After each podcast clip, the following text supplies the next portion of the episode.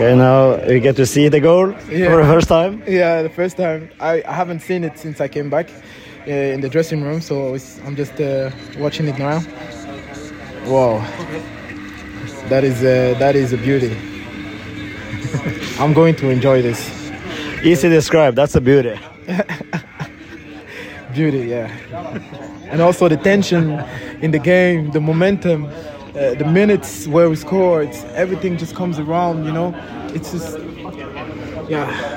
I- don't have the words right now. I'm just, I'm gonna take my time to really enjoy this. Just go for it, and uh, I don't think that's something you should think about when you want to do. When it comes in your mind, just do it, and uh, that's what I did. And uh, it's it's just about also having a clean hit on the ball. Then uh, yeah, it just went in.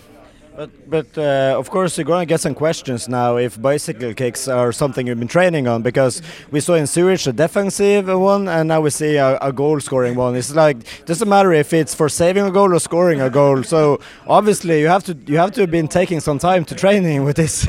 no, no, no. I I never trained this. I never, I never tried to to train a bicycle kick. Like I said, if something comes in my mind, it's just about following your instinct. And um, and yeah, in Zurich I followed my instinct, and then today I follow my instinct. So I'm really happy with the goal. then, then I will tell you something. Keep following your instincts.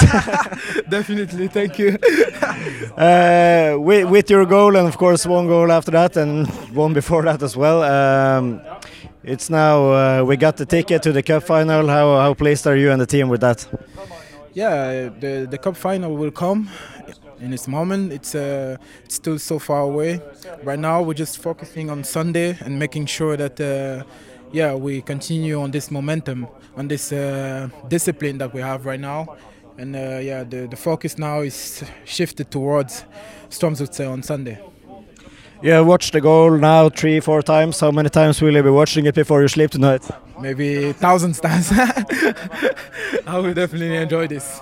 Definitely. Well deserved. And uh, finally, in the cup final, with uh, we'll meet Molde, your rival at Kristiansund, the derby match. There you play there, and for Bodø Glimt, it's been the the gold rival the last four years. So, uh, so, so.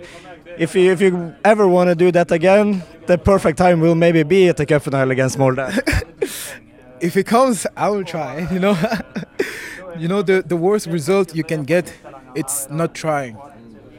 If you try, it's two answers. Either it goes in like today, or it doesn't.